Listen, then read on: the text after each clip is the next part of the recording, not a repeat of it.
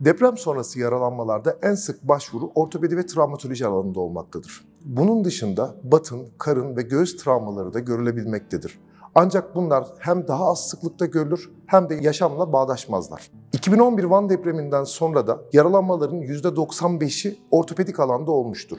Bunlar yumuşak doku travmasından başlayarak açık ve kapalı kırıklar, ezilme yaralanmaları ve direkt uzuv kaybı gibi durumları içermektedir. Bunlar arasında açık yaralanmalar ve ezilme yaralanmaları amputasyon yani uzuvun kaybı açısından riskli yaralanmalardır.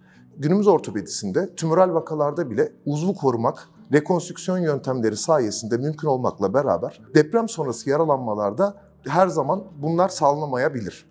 Bunun temelde iki tane nedeni vardır. Bunlardan bir tanesi ezilme süresine de bağlı olarak kaslarda, sinirlerde ve damarlarda meydana gelen hasarların artık geri dönüşümsüz bir hal almasıdır.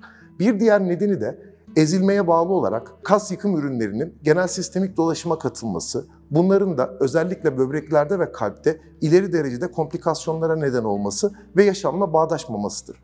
Aslında amputasyon, uzvun uzaklaştırılması ve hastanın engelli bırakılması gibi görülse de belli durumlarda uzvun uzaklaştırılması hastanın hayatını kurtarmak için temel etken olmaktadır. Hastanın amputasyonunun yapılması ve topluma tekrar kazandırılması ne kadar hızlı olursa o kadar etkilidir. Çok geciktirilmesi hem yaşamla bağdaşmayacak hem de hastanın sosyal hayatını etkileyip normal geri dönüşümünü yavaşlatacaktır.